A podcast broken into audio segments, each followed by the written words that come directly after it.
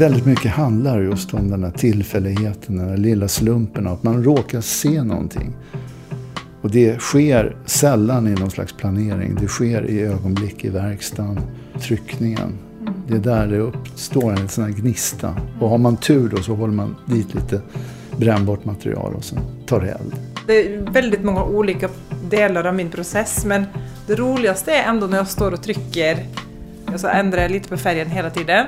Och så är det andra konstnärer som jobbar där som kommer man kan slappna av där man står och trycker. Men de kommer i en modus där man slappnar av men kommer ja, vidare på något sätt.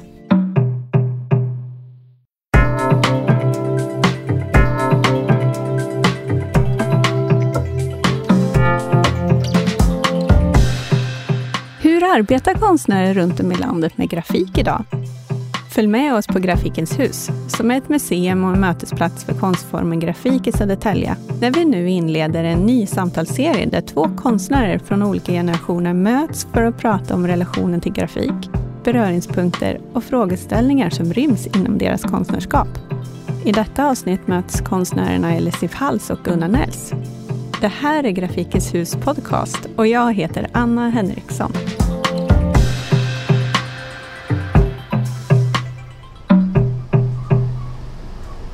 Vi är på väg till Hökarängen, 20 minuter söderut med tunnelbanan från Stockholm city, för att besöka Gunnar Nels i hans ateljé. Elisif har kommit upp med tåget från Malmö, där hon bor och jobbar. Tjena, välkomna! Hej. Kom in! Vi ska gå igenom här. Alla fönster står vidöppna därför att det är väldigt, väldigt varmt så här års. Ja. Och här så här ser ateljéerna ute. Gunnar Nels är utbildad på Kungliga Konsthögskolan, men har även en bakgrund som porträttgravör. Han ligger bland annat bakom Carl von Linné på den tidigare hundralappen. I Gunnars konst hittas en fascination för metodutveckling och till skillnad från att sitta med en lupp och gravera på en plåt så handlar det ofta om hur grafiken kan komma upp i skala. Jag är längst in och har inte den här fantastiska takhöjden. Nej, nej. Däremot så har jag liksom som en liten verksamhet som är mer uppbyggd som kontor och, ja. och uh, har lite tryckpress. Och, Väldigt en... effektivt uh, utnyttjad. Ja. Elsie Falls arbetar med detaljrika papperskollage av torrnålstryck som hon skär och limmar ihop lager för lager. Jag har en ateljé i Malmö, också ligger i en sån gammal industribyggnad. Jag är, lite, jag är också lite så här eh, rastlös eh, i ateljén. Jag är mycket på kollektiva grafikverkstaden. Jobbar mycket hemma och sen jobbar jag också en del i ateljén. Men som jag också hyr ut lite olika delar av den. Den är väldigt stor. Ett verk kan bestå av ett tiotal utskurna monotypier. Ofta skildras organiska former eller dramatiska naturlandskap från hennes uppväxtort Molde i Norge. Elisif är utbildad vid Konsthögskolan i Oslo. Hej, säger jag till dig. Hej! Jättekul att du kom till ja. slut. Alltså, det var ju svårt att få ihop det här mötet. Ja, det var det. Men, men det var äh, nu fantastiskt att ja. vara här också. Ja. Och se det här, den här platsen. Jag är nyfiken. Jag tittar på dina grejer på, på nätet nu inför det här mötet. Och jag, jag, tycker det är fantastiskt roligt att träffa dig. Därför att du jobbar med grafik på ett sätt som jag eh, har försökt liksom att se fler och fler jobba på det viset. Alltså inte upplagegrafik i vanlig mening. Mm. Och jag är väldigt nyfiken på hur du har liksom kommit in i det här med att mm. göra de här relief vad, vad, du kallar dem för eh, ja, och vad du kallar dem för. Mm. Det sättet du jobbar på. Ja. Och jag är väldigt nyfiken på att höra också din väg eh, till det där med sedlar och sånt som är en sån väldigt eh, annan värld. Så man tänker ändå som ändå man kan känna igen det här konstverksamheten som du har flätat ihop med det här sedelvärlden som är något helt annat. Och också väldigt nyfiken på de här olika tekniska anrättningarna som du använder och hur du har liksom utvecklat mm. saker själv också för att komma vidare. Jag kunde heller inte få helt översikten över allt mm. olika saker du har gjort men det ska bli roligt att se lite praktiskt också om det är möjligt. Absolut. Jag har ju väldigt mycket förhållande till det här med handens kraft och hela kroppens kraft mm. egentligen. Det är det som är hela min eh, drivkraft egentligen. Mm. och det tänker jag ju med gravyr måste ju det också vara väldigt påtagligt. Ja, det är det verkligen. Um, men det finns, det finns ju en, en sorglig sak att säga om det faktiskt. Ja. Vad det gäller just gravyren. Uh, och det är att jag har ju börjat och lärt mig den klassiska traditionella handgravyren. Det vill säga alltså, det som kallas för intaglio. Som ju var dyrare höll på med. Mm. Är det det som är intaglio eller? ja, ja, intaglio är sättet att jobba med linjer i, i gravyr. Ett gravyr... det- Ja, precis. Mhm. Ja, och att man får den här tredimensionaliteten och att man jobbar med spänner linjerna så att de volymmässigt beskriver Mm. Ja, ja. former och så vidare. Metallen så att säga hjälper dig Mm. att förstå st- få, få stabiliteten. Så Mm. att där är materialet så otroligt avgörande för Mm. det konstnärliga resultatet. Det- jämfört med trä till exempel som på Gud, något ja. sätt blir Ja, ja. liknande men det blir ändå inte detsamma Nej, men med trä så får man ju förhålla sig också för man Ja. har ju fiberriktningen då Ja. som man ska tänka på ett helt på. annat sätt. Så har man lite egentligen. andra verktyg kanske. Ja. Men i metallen så är det ju, det är ju helt... Det är eh, homogen, ja. det är homogent och därför så blir det ju kanske kroppens Ja. i samarbete med metallen Ja. på något sätt, utan att jag någonsin har provat det. nej, Men vad man ser så är att det måste vara, det är lite som med det här, Ja, att det, liksom, det är helt... ja, men det är plats. verkligen på det sättet. Och det, men det som har hänt, och det är det som jag tycker också är lite så här, hmm, det är lite sorgligt. Det är att den här digitalis, alltså digitaliseringen har, Mm. har tagit över i, Mm. i de flesta områden. Och även när det Mm. gäller till exempel sedelgravyr. Eh, så gör man inte handgravyr längre. Nej. jag har inte hållit på med handgravyr för sedlar på de sista 12 åren. Mm. Och det är M- ingen som så. gör någonstans heller? Nej, numera i hela världen så har man övergått digitalt till att eh, man använder lasrar som i slutändan graverar. Mm. I metall fortfarande. Mm. Men alla gravyrer, så att säga, med situationstecken, de görs eh, på eh, dator, i, i en dator, alltså på en ritplatta kan man Mm. säga. Så man tecknar Mm. fortfarande. Då använder man ju handen. Men man Eh, efterliknar ett sånt gravyr Ja, på något Man sätt? måste, precis, man måste förstå det där gravyrspråket för att kunna göra någonting Ja. som blir, blir gångbart. Men det är jättesvårt. Därför Ja. att du jobbar i två ligger i- dimensioner. Du jobbar ovanpå någonting, inte i någonting. Ja. Och när jag jobbade i, i metallen så jobbade jag alltid i samma storlek som Ja. gravyren skulle tryckas. Ja. Vilket betyder att jag såg ju precis Mm. om det funkar eller inte funkar Mm. i tryck. Mm. Medan när man jobbar på en ritskärm, en sån här där man kan teckna direkt på, Mm. på skärmen, så ser man ju jättebra i förstoring. Men man Mm. har ingen aning om hur det där blir när man drar ner det egentligen. Va? Så att det tog... Och det blir, eller det blir kanske ett eget förhållningssätt också då som man måste lära sig. Ja, exakt. Så jag, fick, jag fick lära om Ja. i början. Inte kanske lära om, men jag fick lära mig ny, ett nytt förhållningssätt. Mm. Verkligen. Och eh, sen har jag ju lärt mig det och jag, jag kan ju hävda nu att bara jag får tid på mig Mm. så kan jag i alla fall komma fram till att göra en gravyr som Mm. ser ut som om den vore handgraverad. Men det är bara det att jag har ju inte samma njutning av Nej, att göra den nej, det- som, som, som då. Jag brukar beskriva det där som att om man tänker sig att man eh, har lärt sig spela eh, fiol. Liksom. Ja. Ett väldigt fint instrument, om det nu är en Stradivarius som man är jätteduktig.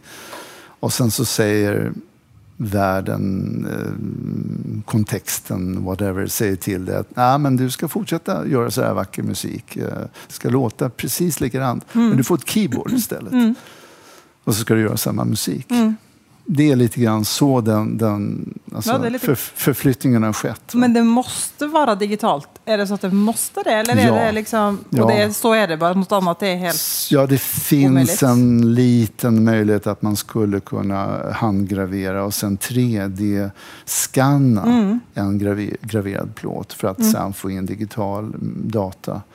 Men eh, det är så omständigt Mm. och den tekniken är fortfarande så dyr. Så att nu jobbar alla som håller på Ja. med gravyr, de jobbar eh, digitalt. Ja. De, många av dem har ju lärt sig eh, handgravera från början, så då har de ju känsla för det. Ja. Jag har själv undervisat eh, många nya gravörer. Men då har den undervisningen alltid byggt på att man börjar med plåt. Mm. Man börjar med att de måste gravera metall. Ja. För att få förståelsen för hur, hur en linje egentligen byggs. Ja. För att när man gör en kurva på en ritskärm så har Ja. du inget motstånd åt något håll. Nej, nej, nej. Och den är för som stor är- och allt möjligt. Handen jobbar alldeles för stort. Men Ja. när man gör det med sticken i en plåt, bortsett från risken att slinta såklart, Ja. så har man ju ändå stödet som förklarar varför de här spänstiga som- linjerna ja, ja. kommer till. Liksom.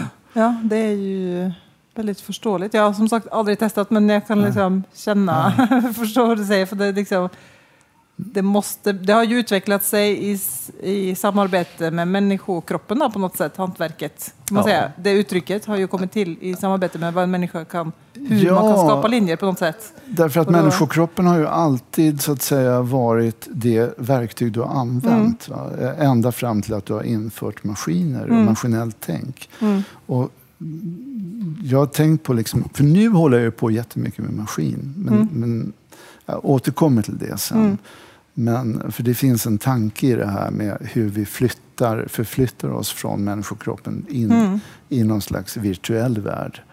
Och även kanske i den här världen som vi håller på Mm. med grafik och sånt. Och där håller jag på att testa gränser. Men Mm. det upplever jag att du också gör med dina bilder. Fast du gör det fortfarande helt manuellt. Ja, Eh, Ja, men jag är ju bara en sån här. Jag, är ju, jag har ju valt medvetet att luta mig tillbaka från allt som är nytt. inte, inte, liksom, inte mentalt, Nej. men praktiskt. För att jag Ja. är... Jag gillar inte att lära mig nya saker. nej. Jag gillar att lära mig en sak och sen gör jag det igen. igen. För att tycker- jag är lite lat helt enkelt. Kanske. Och inte så nyfiken på... Jag, har ju, jag är inte så nyfiken på teknik helt enkelt. Väldigt eh, gammaldags. Men jag tycker inte att jag är en gammaldags person nej. i samhället av den anledningen. Men konst är ju fritt liksom. Jag vet inte, jag rör mig inte. Men man kan hitta på saker i det där gamla som på något sätt blir lite friställt då från Mm, det är ju ingen som behöver grafik längre så som man behövde det förr, men det är ju ändå väldigt, det är ju väldigt roligt att bevega sig i den historien som grafiken har, som har varit liksom, ja, men till sedlar, till böcker, till allt det där. Alltså att det har ju haft en funktion.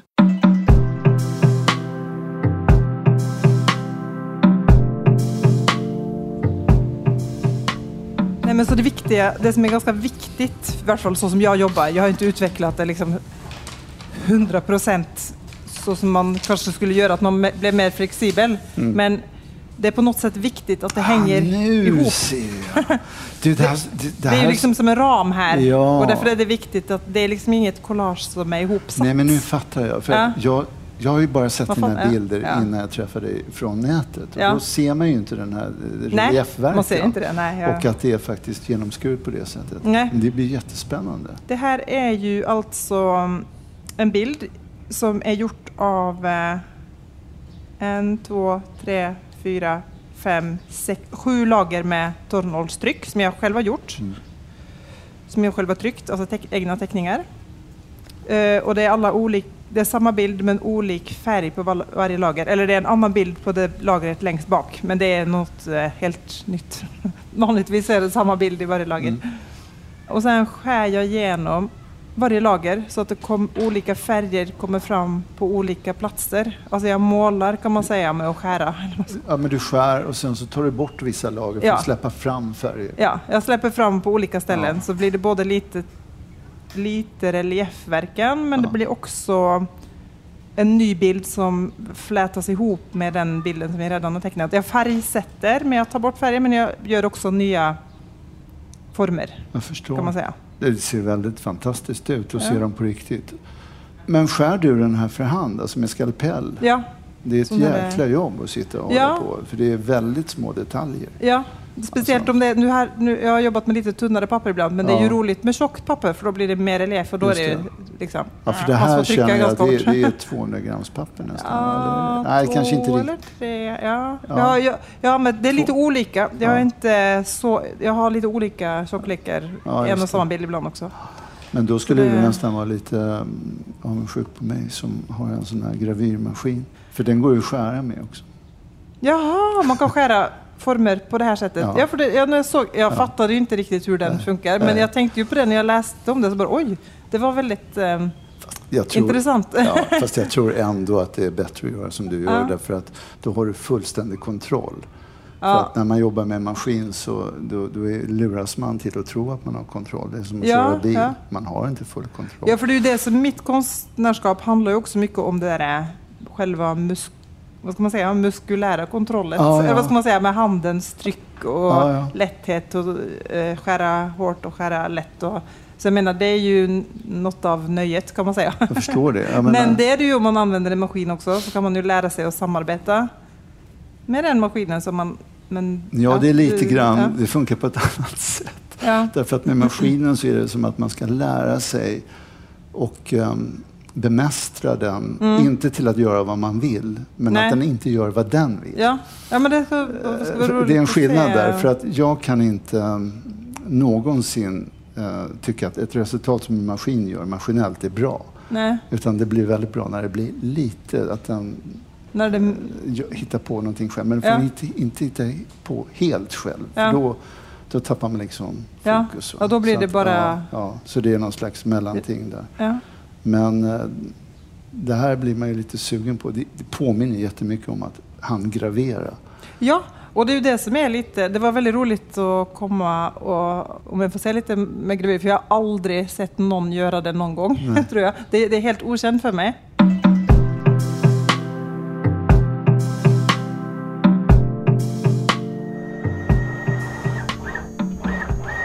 Här har vi en gravyrmaskin som eh, skaffade för ett år sedan.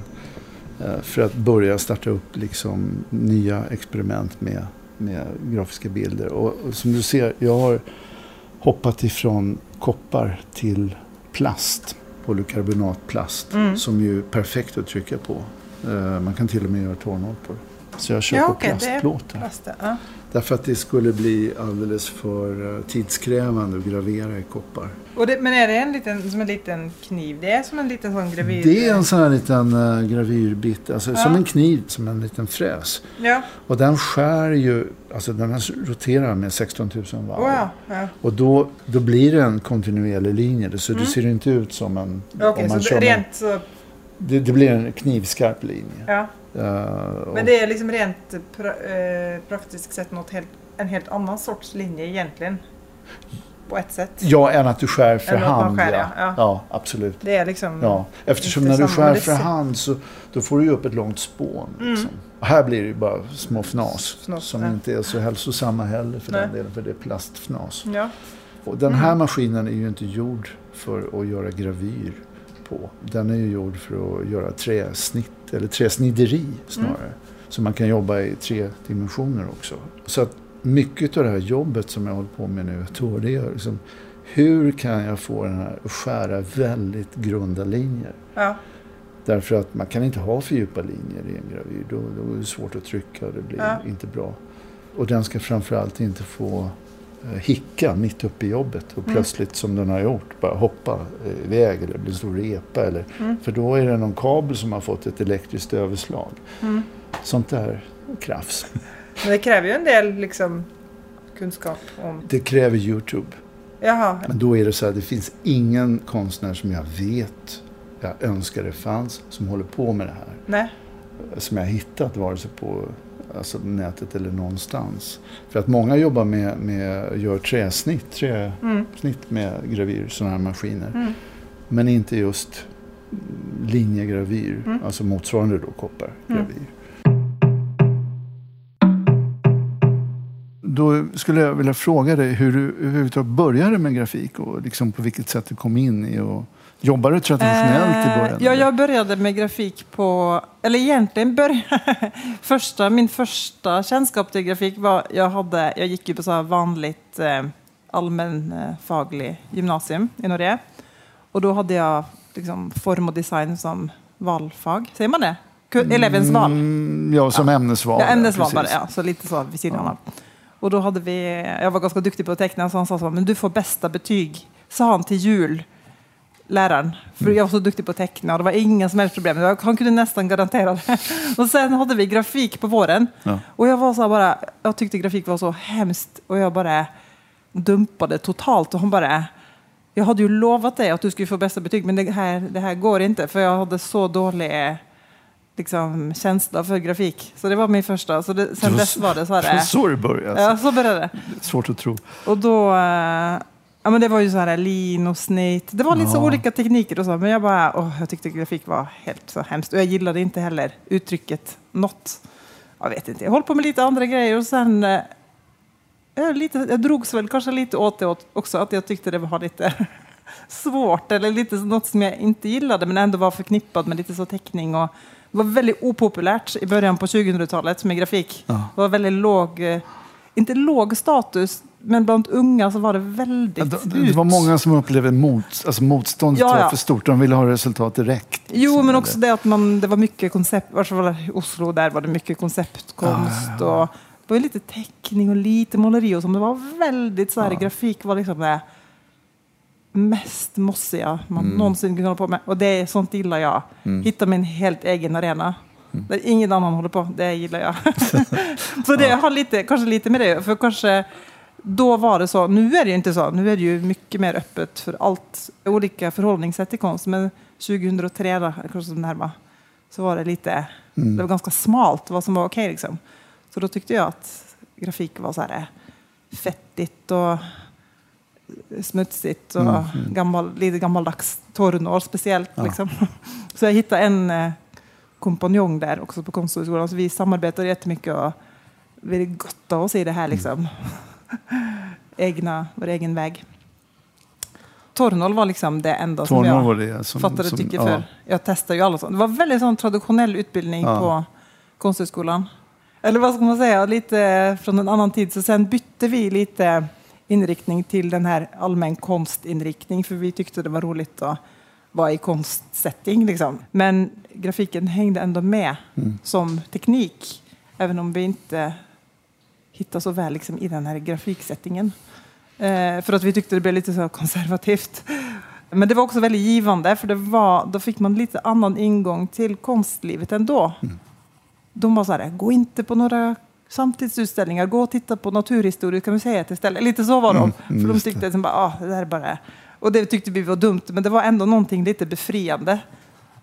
Det måste inte vara på ett sätt. Nej, men det jag- tycker jag är kul med grafik, att det är liksom egen...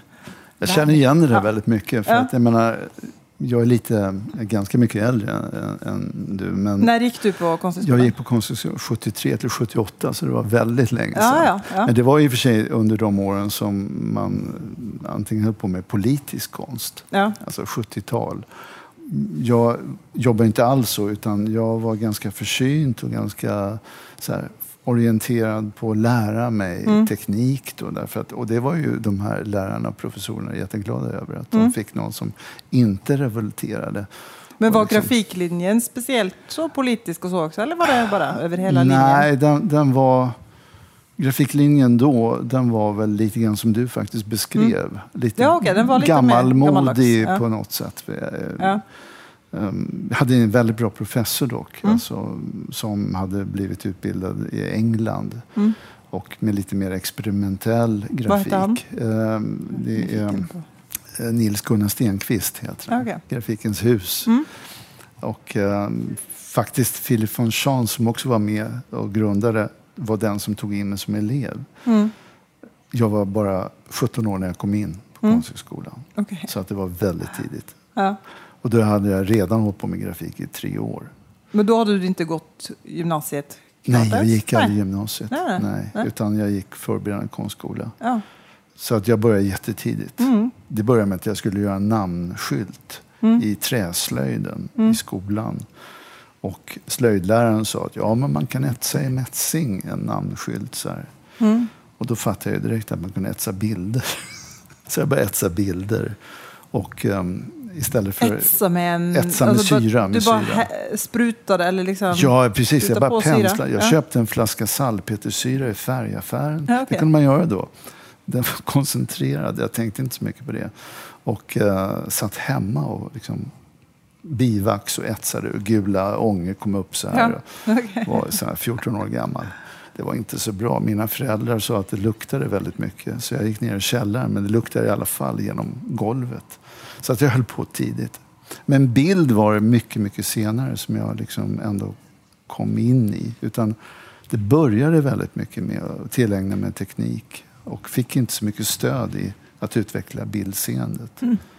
Samtidigt som då på Konsthögskolan så gick jag ju, hade ju jättebra lärare i alltså konsthistoria. Och... Men du menar att du inte började med bild där heller så mycket? Det var mer liksom, Nej, men i och med att jag gick på tekniker. grafiken så var det, alltså, det var så instyrt på teknik. Mhm, mm. Och eh, sen var det att min professor, alltså Nils Gunnar Stenqvist, han, när jag gick eh, femte året så sa han, klappade mig på axeln, han sa Gunnar, du ska söka till en utbildning som jag ska starta. Som ska utbilda eh, elever för att hålla på med sedlar och, och frimärken. Oj. Och då var det så att han var eh, initiatör till det här projektet tillsammans med posten och med sedeltryckeriet. Att göra en vidareutbildning från Konsthögskolan som var heltid på två år. Så att då var det 12 elever som sågs ut från olika högskoleutbildningar. Det var eh, Konstfack och det var Bergs också, alltså från reklamhåll till och med. Eh, För det skulle vara formgivare och gravörer då som man skulle utbilda. Men var det till en speciell händelse, till ett sedelbyte eller så? Eller var det bara så här, nu ska Ja, vi ha var, fasta ja, utbildare? det, det var lite så faktiskt. För att eh, man skulle förnya svenska sedlarna Ja. efter många år. Och då var de så gamla Ja. redan på sedeltryckeriet. Och även på frimärkstryckeriet. Mm. Så att de behövde en ny generation. Och det hade inte funkat med det här gamla systemet när man tog dit lärlingar som sen fick sitta och Och du, du, var, du ville det också? Det var inte Nej, du jag var intresserad men jag tänkte inte de banorna att jag skulle Nej. bli den främsta eller någonting. Men Nej. det var ganska lätt ändå. Om man är intresserad Ja. så är det en väldigt liten Mm. eh, klubb utav manliga och kvinnliga gravörer liksom, Mm. i, i, på hela, alltså hela världen då, som håller på med det här. Och sen allt det här som är tekniken runt det då? Det, för det måste ju vara väldigt avancerad. Själva Ja. liksom sedelkonstruktionen eller vad ska Ja, det är väldigt avancerat. Är det en egen institut kan man säga? Eller? Ja, man kan säga att det är ett eget samma? uttryck. Ja. Faktiskt lite grann. Ett ja. eget ja, det uttryck ju är det. väldigt... Och det har ju kommit därför att man har i alla tider har gjort förfalskningar. Ja. Och då så måste ju då eh, formgivningen och att man ställer i ordning sedlarna, det måste ju alltså hela tiden ligga före Ja, men- förfalskarnas möjligheter. Ja. Eh, I början så var ju sedlar kanske mer en grafisk Mm. produkt. Det vill säga ungefär som vad vi håller på med som Mm. konstnärer. Eh, Där man gjorde det lagom intrikat och komplicerat. Mm. Men, men nu är det faktiskt mycket mer än så. Det är Mm. som hela system, säkerhetssystem som Mm. ligger inne och maskinläsningssystem. Mm. Så det är produktdesign mer, Mm som ju ändå har en grafisk utsida.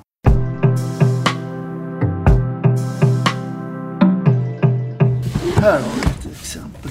Här är ett exempel på det jag håller på med nu. Och då är det det här som maskinen gör.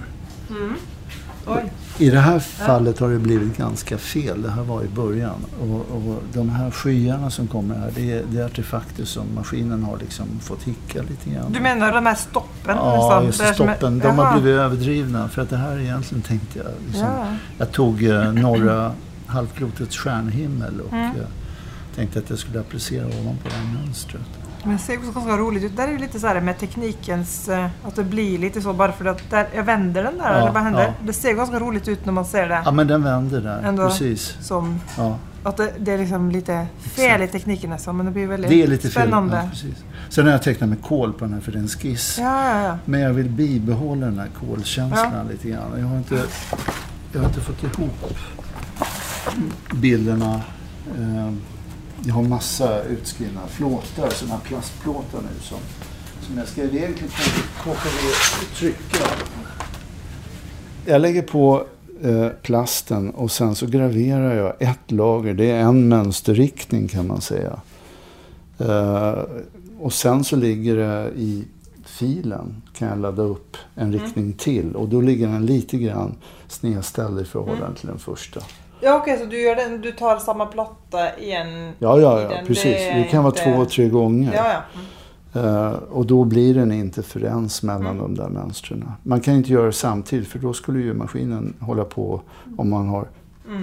Då skulle den hålla på att rita varenda möte. Men i och med att den Ja, ja, är två lager då kan den göra hela linjer på vart och ett utav Ja. de lagren.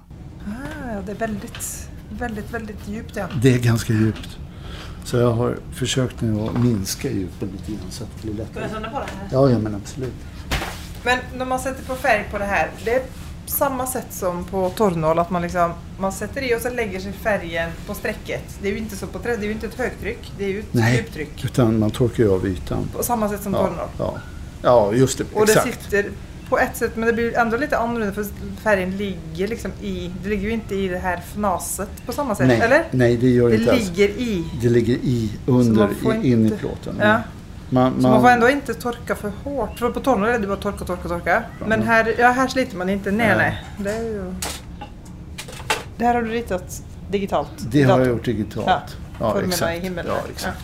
Illustrator. Ja. Ja, där jag jobbar med olika mönster. Och, Ja. och, och, det är moiré. ja. Så hur kommer du fortsätta liksom, i, i förlängning med ditt nästa steg i konstnärskapet? Ifrån de, de här bilderna som du har visat. Jag menar, du sa att du var lite så här... eh, Du gillade att liksom göra någonting som du känner dig trygg med. Men du, Ja. du håller väl ändå på att utveckla dig ganska mycket, ja. trots allt?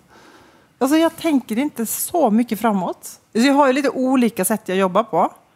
Och sen får jag så otroligt många olika idéer. Så jag, måste, jag har ju så här, kanske tio olika vägar att ta. Och det är ju inte utveckling, men det kommer utveckla sig inom det. Men jag måste ju bara välja en av de vägarna. Så är det ju varje gång. Jag måste ta en av de idéerna. Och så göra något med den. Och, och sen ger sig nästa steget därifrån. Jag har ju tre olika vägar, så är det rent tekniskt, som jag använder, som jag jobbar med. Hur, beskriv för Ja, det mig. ena är ju att jag gör stora skulpturer. Eh, vet inte om du har sett Jo, bilder jag av har sett, sett några bilder. Och, med min, eh, så hon som jag jobbade med på Ja. Konsthögskolan ja. tillsammans där vi, vi sätter ihop skulpturer, temporära skulpturer. Och så har vi också några sådana brevcollage som vi skickar fram och tillbaka till eh, mellan Bergen och Malmö. Sen har jag ett mer så materialbaserat projekt där jag rullar ihop remser av grafik. Jag samlar också ihop gamla tryck från folk på grafikverkstaden. Så jag bara skär, alltså det är några få millimeter remser. Så, ja. Så snurrar jag till större liksom, materialbilder. Och sen är det det här. Så det är de tre olika sätten som jag jobbar på med grafik nu. Då. Och det kan ju vara att det utvecklar sig, men det, jag har ju massa idéer inom de här tre olika sätten att jobba på. Så att jag måste bara göra det först innan jag utvecklar mig vidare. Kan man säga. Och då är det ju själva, jag är ju liksom fokuserad på vad jag vill berätta nu med det här bild, sättet att göra en bild på. Så nu har jag tänkt att göra, kanske, en av mina idéer är att göra en slags um, utmaning av min egen... uh, alltså jag har lite så här moderat höjdrädsla Mm. som jag vill försöka bli av med.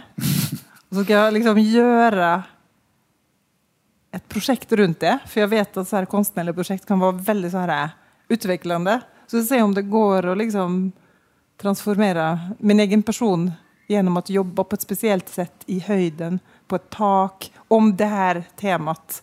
Ja. Så det är mer så, jag använder det här som en form för måleri. Tekniken är ju inte färdigutvecklad, men mitt huvudsyfte är ju liksom att använda det uttryckssättet för olika idéer till konstprojekt som jag har, kan man säga. Ja, vad, vad, har du något sånt eh, väldigt definierat eh, nästa steg i ditt eh, vidare arbete? Eller är det... Ja, både ja och nej. Därför att jag har, jag har nu ägnat ungefär 12 år. Jag har gjort väldigt strödda, fria konstnärs... Inte så mycket fritt konstnärsarbete, men jag har däremot förkovrat mig just i digital gravyr Mm. på sedlar. Och eh, nu har jag precis förra året slutat med det. Jag har bara lite så här frilans eh, någon månad om året Mm. kvar så att jag får extra inkomst. Men annars så har jag återgått till just ateljén och eh, egna grejer. Och då, då står jag nästan som ett blankt papper. För att när jag slutade med konstprojekten för ungefär tio år sedan. Då hade jag gått upp i format så mycket man kunde, jag orkade. Det var riktigt stora gravyrer. Eh, bara för att jag då hade hållit på med små gravyrer innan. Mm. Och det första som jag gjorde det var att jag gick ner i format nu. För att känna att ja, men nu vill jag, precis som du, sitta och känna att jag har kontroll på just den här Mm. lilla biten. Men jag är som ett blankt papper och jag känner mig väldigt ung på det sättet att jag är tillbaks i att jag är formbar. Så jag har nu skaffat den här eh, gravyrmaskinen som då är präglad av allt Ja. jag lärt mig under de här tio åren på sedeltryckeriet.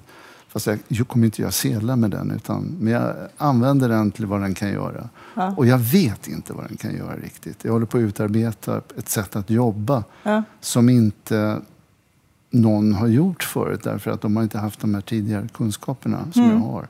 Men nu är jag inne i en process i alla fall att starta upp det här med att låta maskinen lägga ett lager, en grund Mm.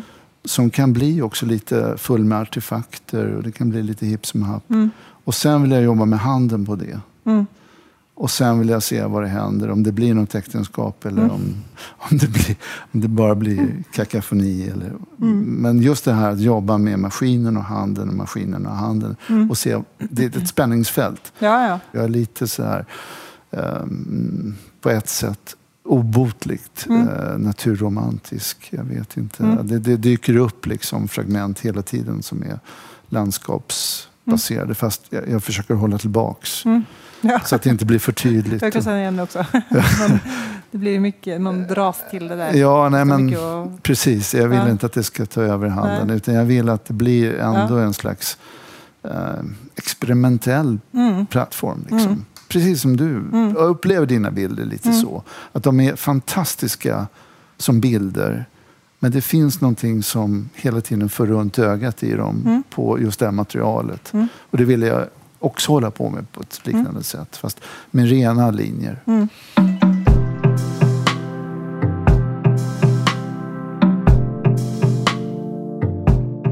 Alltså, det är ju det att det är väldigt många olika delar av min process, ja, men det är som det är för det också. Men det är ju mest där när man får till de där bra trycken, som jag sen ska ju använda dem.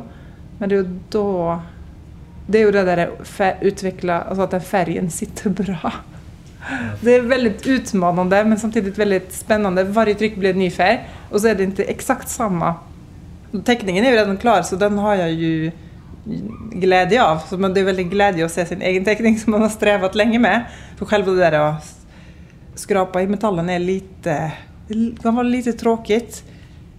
Och man blir lite otålig för man ser det inte, så man får en väldig belöning när man trycker det. Och ändå behöver jag inte behöva göra upplagor, jag kommer göra jättesnabbt. Och jag kan använda alla misslyckade, alla bra, så jag kan använda varenda, även om den blir liksom ful då, som man säger. Så gör det inget och då är det så väldigt kul för då bara igen, igen och så tar det kanske 10 minuter att trycka en, eller kanske en kvart, eller beror på hur stor den är, men den är så liten så kanske det tar det. Och så här är intervallen där med trycka C. så det är, jag tycker nog att det är, det är liksom, Löser delen. Mycket Ja. av magin händer just när man trycker. ja det gör det. Det är faktiskt det. Och så är det andra konstnärer som jobbar där som kommer. Och så händer det någonting, så energin, det är inte alltid man liksom pratar eller gör någonting överhuvudtaget, men det är bara någon energi inne på så grafikverkstaden som är man kan slappna av där. Man står och trycker, men en- de kommer i en modus där man slappnar av men kommer ja, vidare på något sätt. Ja, det är, det är speciellt. Ja. Att, att jobba i Ja, det det. verkstad tillsammans med andra också. Ja. Tar in en samlad erfarenhet. Liksom, Ja. på något sätt. Och så är det också det med lukten och Ja, lyden, ljuden och stämningen Ja. och liksom allt materialiteten blandas och med det sociala. Eller, eller att man är där själv men liksom, det är någonting speciellt där. Det var igår som jag eh, var hemma hos en, en kompis som hade lavendel. Så, och jag luktade på lavendel. Jag älskar den doften. Och så slog det mig bara rakt av. Vad fan kände jag den doften första gången medvetet? Jo, det var när jag var 14 år och i grafikverkstaden på Konstfack. Det var mjukgrunden som var Ja, blandad med så det- lavendel, ja. lavendelolja. Och det var såna, yes, det har funnits med hela livet Ja. nästan. Ja, men det, det är ju också faktiskt eh, något som jag tänker lite på det med varför jag gillar det här just Tornol och den här pressen. Min morfar var ju så här propellmekaniker eller propellfabrik. Jag jobbade på och hade, väl, hade en liten verkstad hemma och gjorde mycket sånt där som var så här mekaniska grejer. Med metall och så olja och så. Och den lukten tänker jag ändå är något som man kanske man har med sig det lite hemifrån, den sortens saker, så kanske man fastnar lite mer eller varför jag gör, tror jag gör det o- undermedvetet. Jag hade ju ingen relation till just strykglas men jag bara fastnade direkt för det. Helt ointresserad av screen till exempel för det luktar konstigt och är bara så här eh, fladdrigt för mig. men ja, tycker det är intressant med det med minnen och känsla för någonting som man bara gillar utan att man förstår riktigt varför. Då tänker jag det kan vara så. Något man har med sig från barndomen som påminner om det. Liksom. Ja, men det är det som är faktiskt väldigt intressant tycker jag egentligen med det där med grafik nu idag och sånt. Att eh, de möjligheterna som egentligen finns nu när grafik är lite mer frikopplat från det här. Vad det är, alla regler, alla ja, men miljön också runt grafik som kan bli lite så här eh, fyrkantig och så. Att det egentligen finns så otroligt mycket möjligheter att göra något som är liksom handgjord. Och det måste inte vara handgjord heller, men i samarbete med teknik, mer eller mindre modern eller gammal eller ny teknik eller vad som helst. Men man kan bara liksom göra så storskaligt och ändå så mycket innehåll för att man kan producera det om man har Ja liksom... Men, men, men jag tycker att det är också den här repeterbarheten Ja, i grafik. ja, ja. Därför att det är ungefär som i musik när man repeterar toner och så bygger man musik. Exakt, ja men så det är det jag menar, att man kan få en, liksom en hel värld av ganska lite jobb egentligen. Ja. Och så det blir så otroligt Ske- mycket. så, skenbart oj, lite jobb. Ja, för, jo men också att det är Folk känner så lite till tekniken, alltså det blir någon sån magisk eh, Ja. med de som ser på, för man fattar inte riktigt vad det är. Nej. Och det är ändå i massor, man ser ändå att det är handgjort och det är liksom riktiga färger. Alltså på det viset Lite- tycker jag att, att, att grafik, bo- jag tror för oss båda två är någonting som har gått bort ifrån att grafiken i sig representerar en bild. Mm. Men att grafiken bygger bilder snarare. Mm, ja. Bygger sig själv. Ja, Så kan jag uppfatta det. ja.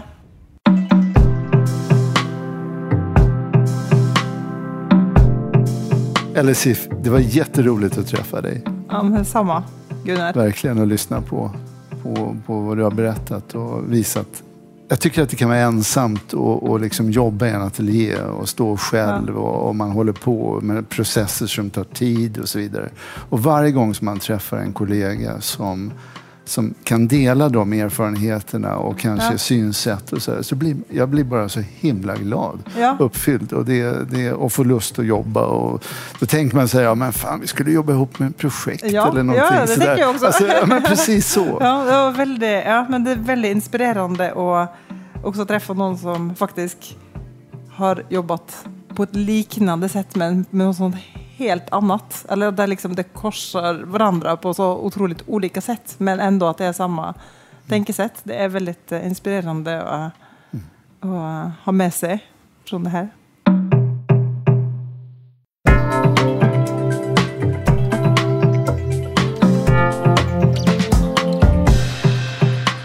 Grafikens hus följer ni bäst på Instagram och Facebook.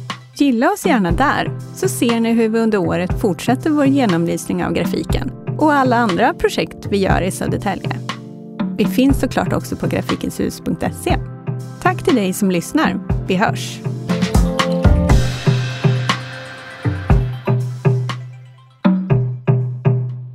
Det här programmet görs på Beppo. Beppo. Beppo. Beppo.se